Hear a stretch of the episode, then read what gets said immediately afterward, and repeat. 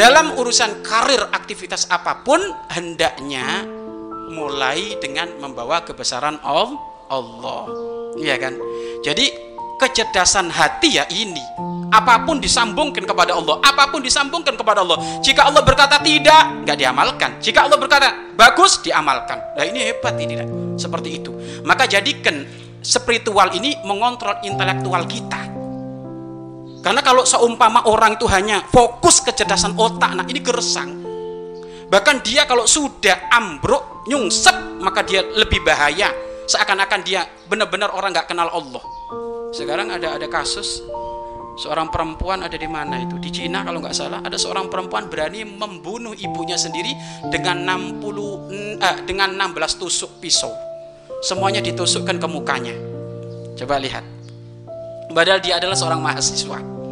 Katanya S3 kasih yang keempat S Teller kok bisa dia seperti itu? Dia ngandalkan otaknya. Ngandalkan otaknya. Iya kan? Tidak ada iman. Hatinya gersang. Spiritual kecerdasan hatinya nggak ada. Dia hanya mengandalkan otaknya. Saya menemukan ibuku dolim.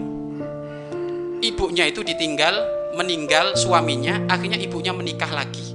Menikah lagi nggak ngomong sama anaknya sehingga dia mikir dengan otaknya, oh ibuku khianat dengan aku, nggak izin-izin dengan aku.